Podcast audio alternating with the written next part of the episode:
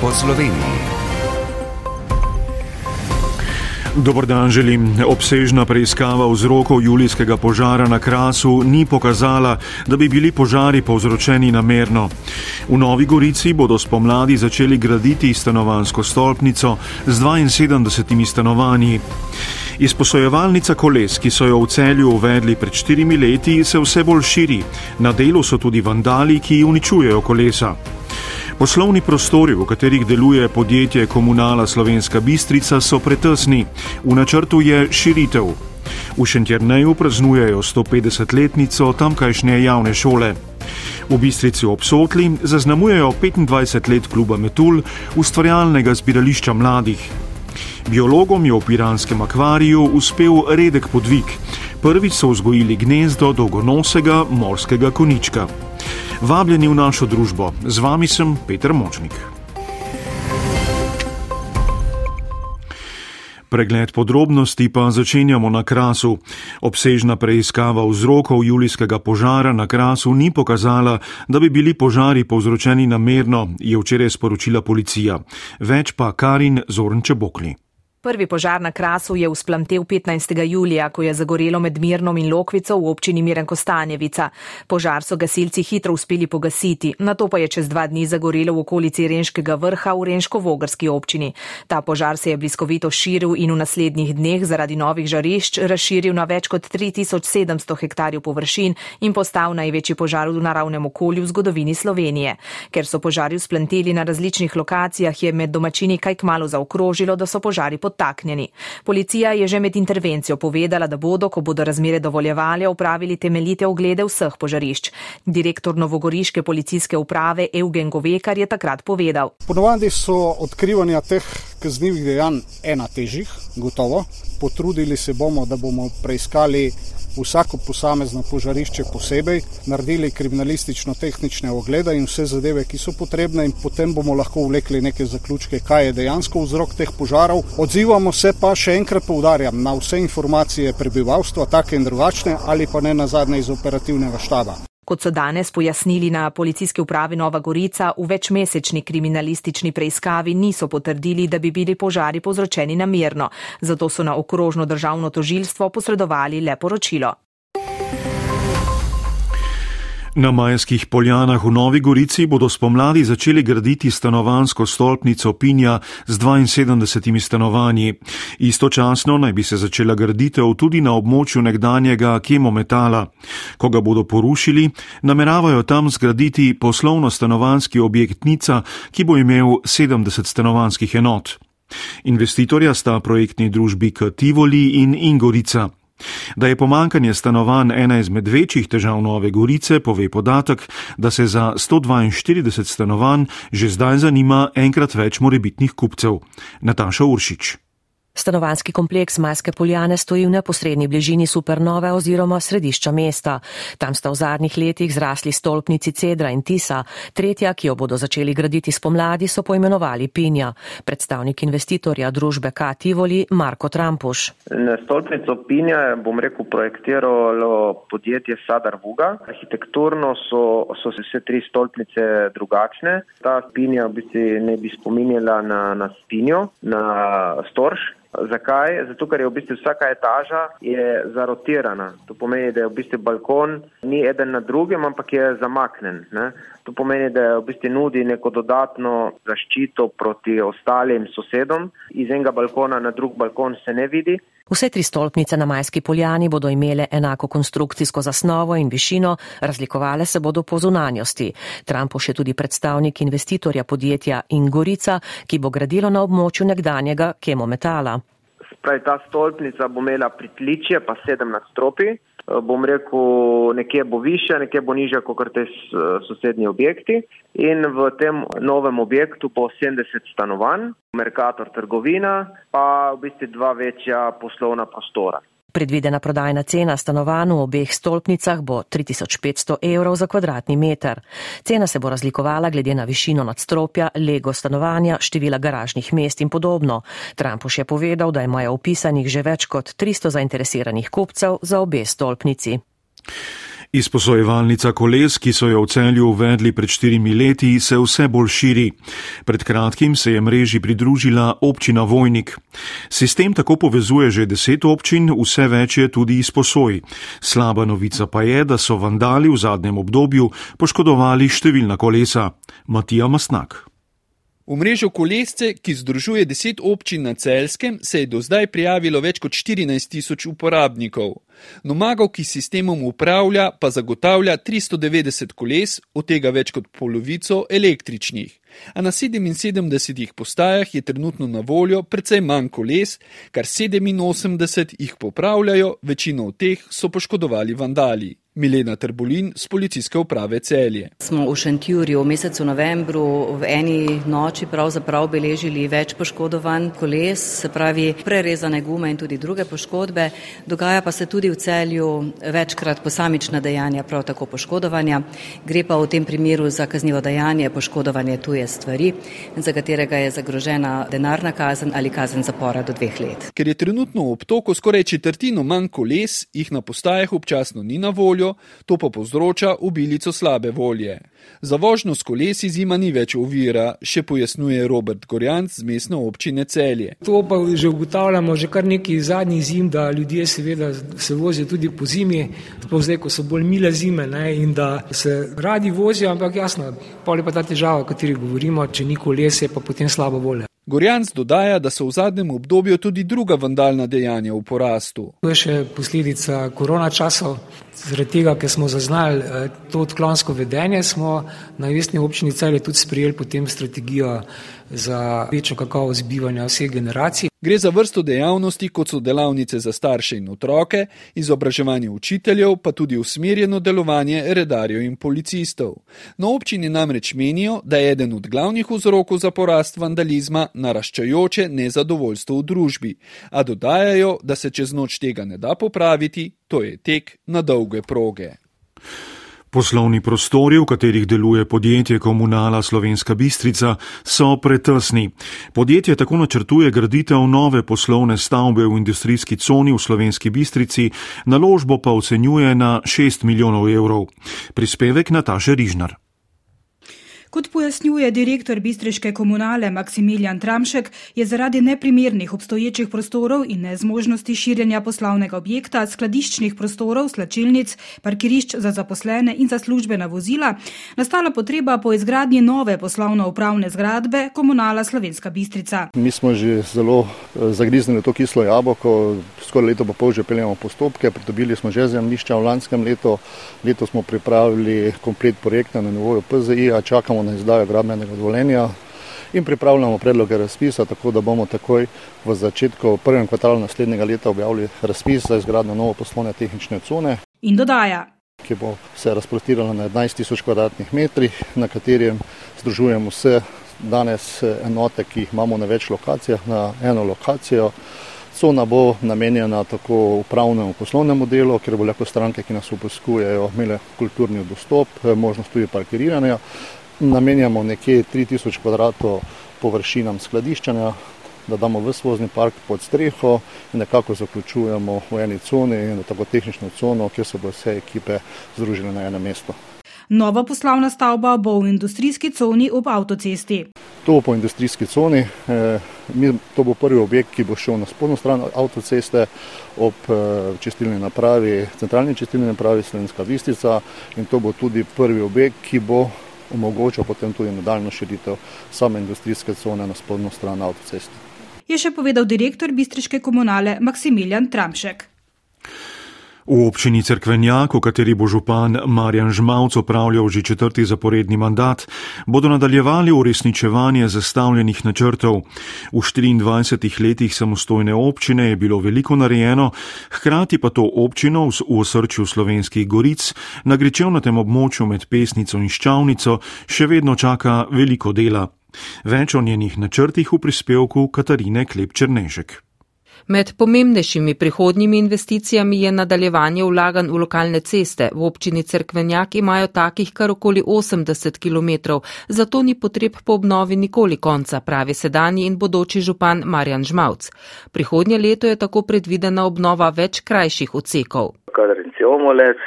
ceste Gunova Komarnica, potem Brengova Vodale, preplastitev cestišča v Cogetincih, Osojnica, preplastitev cestišča Smolinci, Župetinci. Trenutno končujejo cestna odseka v novih naseljih Cogetinci Nedelko in Kostanjevec Govedič, kjer pa se bo, dodaja župan Žmavc, nadaljevala tudi gradnja več stanovanj. Imamo investitora že, ki bo zgradil enega oziroma dva stanovanjska bloka z dvakrat po 12 stanovanje. Ker se v občini nadaljuje trend priseljevanja in s tem rasti števila prebivalcev, stanovanj primankuje. Po osmih letih pa je pretesen tudi vrtec, zato ga bodo tako župan dogradili. Smo pred pridobitvijo gradnega dovoljenja za dograditev za štiri igralnice oziroma štiri oddelke, tako da bomo imeli vsega skupaj deset oddelkov. Dolgoletna želja je tudi manjša enota doma za starejše s 30 do 40 posteljami. Zato je občina zdaj pred dokončnim odkupom zemlišča. Na seznamu predvidenih naložb pa so tudi širitev medgeneracijskega centra Vitalin, ureditev lokalne tržnice in lekarne in obnova vodovodnega omrežja. V občini Cerkvenjak pa si že dolgo želijo tudi večnamensko športno dvorano in ureditev razgledne ploščadi na stolpu gasilskega doma. Ostanite z nami tudi v nadaljevanju oddaje. Odpravili se bomo v Šentjernej, kjer praznujejo 150-letnico javne šole. Ustavimo se tudi v Bistrici ob Sotli, kjer že 25 let deluje klub Metul, ki je našel pot tudi na evropske glasbene zemljevide. Oddajo pa bomo končali na obali v Piranu. Sodelavcem v tankanštem akvariju je uspel redek podvig. Prvič so namreč vzgojili gnezdo dolgonosega morskega konička. V Šentjerneju bodo popovdne z dvema prireditvama in predstavitvijo obsežnega zbornika počastili 150-letnico javne šole v kraju in 290 let od prve omembe šolstva v občini. O povečevanju števila otrok, tudi zaradi priseljevanja mladih družin, so v Šentjerneju pred novimi izzivi na področju izobraževanja. Več Jože Žura. V Šentjerneju so po najstarejših zapiskih šolo imeli že leta 1731, leto 1871 je šola postala javna in v eno razrednico je bilo upisanih 420 otrok. V obsežni spominski publikaciji na 160 straneh so učitelji pod vodstvom Kaje Cvelbar uvodoma predstavili časovni trak razvoja šole do današnjih dni, pove ravnatelj osnovne šole Šentjernej Aljoša Šip. Ko dobiš ta pogled, smo pa res želeli predstaviti zgodbe ljudi, odraslih ljudi, še internečenov, ki so pustili ali v kraju ali še celo širše svoj pečat v kontekstu teh naših močnih stebrov v šoli, na katere smo tudi mi zelo ponosni, se pravi znanost, tehnologija, kultura, šport, Učitelji so skupaj z učenci tudi pripravili kulturno prireditev v obliki muzikla s predstavitvijo šentjernejskih znamenitosti. Po treh že odigranih predstavah bodo popovdne izvedli še dve. Šola je tudi sicer poznana po pestrih kulturnih dejavnostih, dodaja Aljoša Šip. Imamo izjemno močen aktiv, v katerem je 12 mentoric, krivamo res vse aspekte kulture. Zelo nam je pomembno, da gre šola tudi na vzven, se pravi, da so otroci, ki so aktivni na tem področju, da dobijo tudi praktične izkušnje, kaj pomeni organizirati razstavo, kaj pomeni kulturni dom, kako je recimo s produkcijo. Pri tem jim je kulturni center Primoža Trubarja njihov drugi dom. V letošnjem šolskem letu imajo skupaj s podružnično šolo upisanih skoraj tisoč otrok. Njihovo število se iz leta v leto povečuje, tudi zaradi priseljevanja mladih družin iz vse Slovenije. Temu se z naložbami prilagaja tudi občina, pove župan Šentjerneja Jože Simončič. Izvedli smo energetsko sanacijo, sledi gradna nove športne dvorane in prenova atletske steze nogometnega igrišča. Seveda po prostorskem planu že načrtujemo nove možnosti za eh, potrebno, morebitno potrebno širitev šole, tako v Šentrneju, kakor tudi na podružnici Orehovica. Saj imajo v šoli tudi otroki sosednjih občin, ker so njihovi starši zaposleni v šentirnejskih podjetjih. V Bistrici ob Sotli že 25 let deluje klub Metul. Prostor pod odrom kulturnega doma je kot zbirališče mladih znan že več generacij. Pred 25 leti so tam priredili prvi koncert in od takrat se je med drugim razvijala lokalna glasbena scena. Klub Metul je tudi na evropskem glasbenem zemljevidu. Več dopisnica Suzana Vahterič. Mladina v Bistrici obsotli je leta 1996 ponovno zavzela prostor, ki se nahaja natančno pod odrom kulturnega doma. Dobro leto kasneje se je odvil prvi koncert na danes kultnem klubskem prizorišču in bil obenem povod za nastanek prvih bendov v Bistrici obsotli. Pobudnik prvega koncerta in tudi obeležitve 25-letnice Andrej Boštjančič Ruda. Ta prvi koncert pač bi lahko ga videli kot eno seme, ki smo ga posijali. Meni se je enostavno zazdel, da ne bo dolgo to moglo iti tako. Že jaz sem to videl, ker sem bil star 20 let, sem ga mi rabimo neki in smo naredili koncert. Ne. Čim je bil koncert, takoj so se pa apetiti pri nas pojavili. Wow, če oni lahko špilajo, to bi lahko tudi jaz. Ne. In polko pa zmajo rep, ne, čez eno leto po prvem koncertu je špila že domač, pa so pa videli tudi ostali. Wow, Ruda lahko špila, to lahko tudi jaz. Ne. In res, rodili so se šaman, kasneje Malik, Zmajev rep, no cenzura in številni drugi. V majhni bistrici obsotli. Delovanje Metulja je dobilo formalni okvir leta 1999 z ustanovitvijo mladinskega društva Bistrica obsotli. Mladi so na tak način gradili skupnost, pravi v imenu mladinskega društva Andrej Črnelč. 25 let od prvega koncerta, dežurni krivci so igrali, še vedno naši prijatelji in tudi bo igrali ob tej priložnosti enega izmed vikendov, cel decembr, vsak vikend bo en dogodek. Vtisi, jaz sem res vesel, da sem že skoraj od začetka del tega in zdaj, to je za mene najboljši prostor za na koncert iti ali pa tudi igrati, ker tudi sam sem glasbenik. Vse, kar lahko rečem, je, da je to fenomen v takem malem kraju, kot je Bistrica obsotli in tudi v širšem smislu en izmed redkih prostorov za to vrstno kulturo, za različne vrste kulture v resnici. Danes ima društvo za sabo ogromno uspešnih projektov in številne razpise ter projektne zaposlitve za približno tri osebe, kar v tako majhni skupnosti ni malo. In kot pravi župan Franjo Debelak. Pravzaprav vsega tega, kar so naredili, niti, niti ne vidimo, niti vsi ne razumemo. Vendar gre res za velike zgodbe od eh, nekih rockerskih bendov, ki so se ustanavljali, delovanje glasbe, glasbene kulture, konec koncev tudi likovne kulture. Zdaj gledamo silne zbirka plakatov, od Sunday Noise do impro glasbe, mednarodno prepoznavni smo postali. Na velikih mestih se recimo takšne zgodbe ne morejo izpeljati, kot se je pri nas. Glasbeniki in bendi iz Bistrice obsotli so izjemno aktivni, starejšim pa se priključujejo tudi mladi. Vse to so strnili v niz dogodkov, s katerimi ta mesec obeležujejo 25 let kluba Metul. Po Sloveniji. Akvariji so pomembna središča širjanja znanstvene kulture in ozaveščanja najširše javnosti o posledicah pomembnih sprememb na oceane. O tem so govorili na Svetovnem kongresu akvaristov. Med 500 udeleženci iz 200 akvarijev z vsega sveta je bila tudi Manja Rogelja, vodja akvarija Piran. Tam sicer te dni pozorno spremljajo, kako okreva želva glavata kareta, potem ko so, jej, ko so ji iz grla odstranili velik trnek. Prav tako jim je uspel redek podvig, v akvariju so prvič vzgojili gnezdo dolgonosega morskega konička. V piranskem akvariju je bila leja širok. Dolgonosega morskega konička je v akvariju teže vzgojiti kot druge takšnemu življenju bolj prilagodljive vrste, pojasnjuje vodja akvarija Piran, dr. Manja Rogelja. Tako da je to cela redkost, da nekaj takega uspe in smo zelo ponosni. Imamo jih 15, zelo hitro rastejo, zdaj nekje na dva tedna so za 50% težji kot so bili. Sprehranjujejo se zdaj že z rakci, katerim se prehranjujejo tudi odrasli morski konički. Prav tako so zadovoljni, ker si je želva glavata kareta že dobro opomogla, potem ko so ji pred skoraj tremi tedni iz grla potegnili velik, pri nas prepovedan parangalski trnek.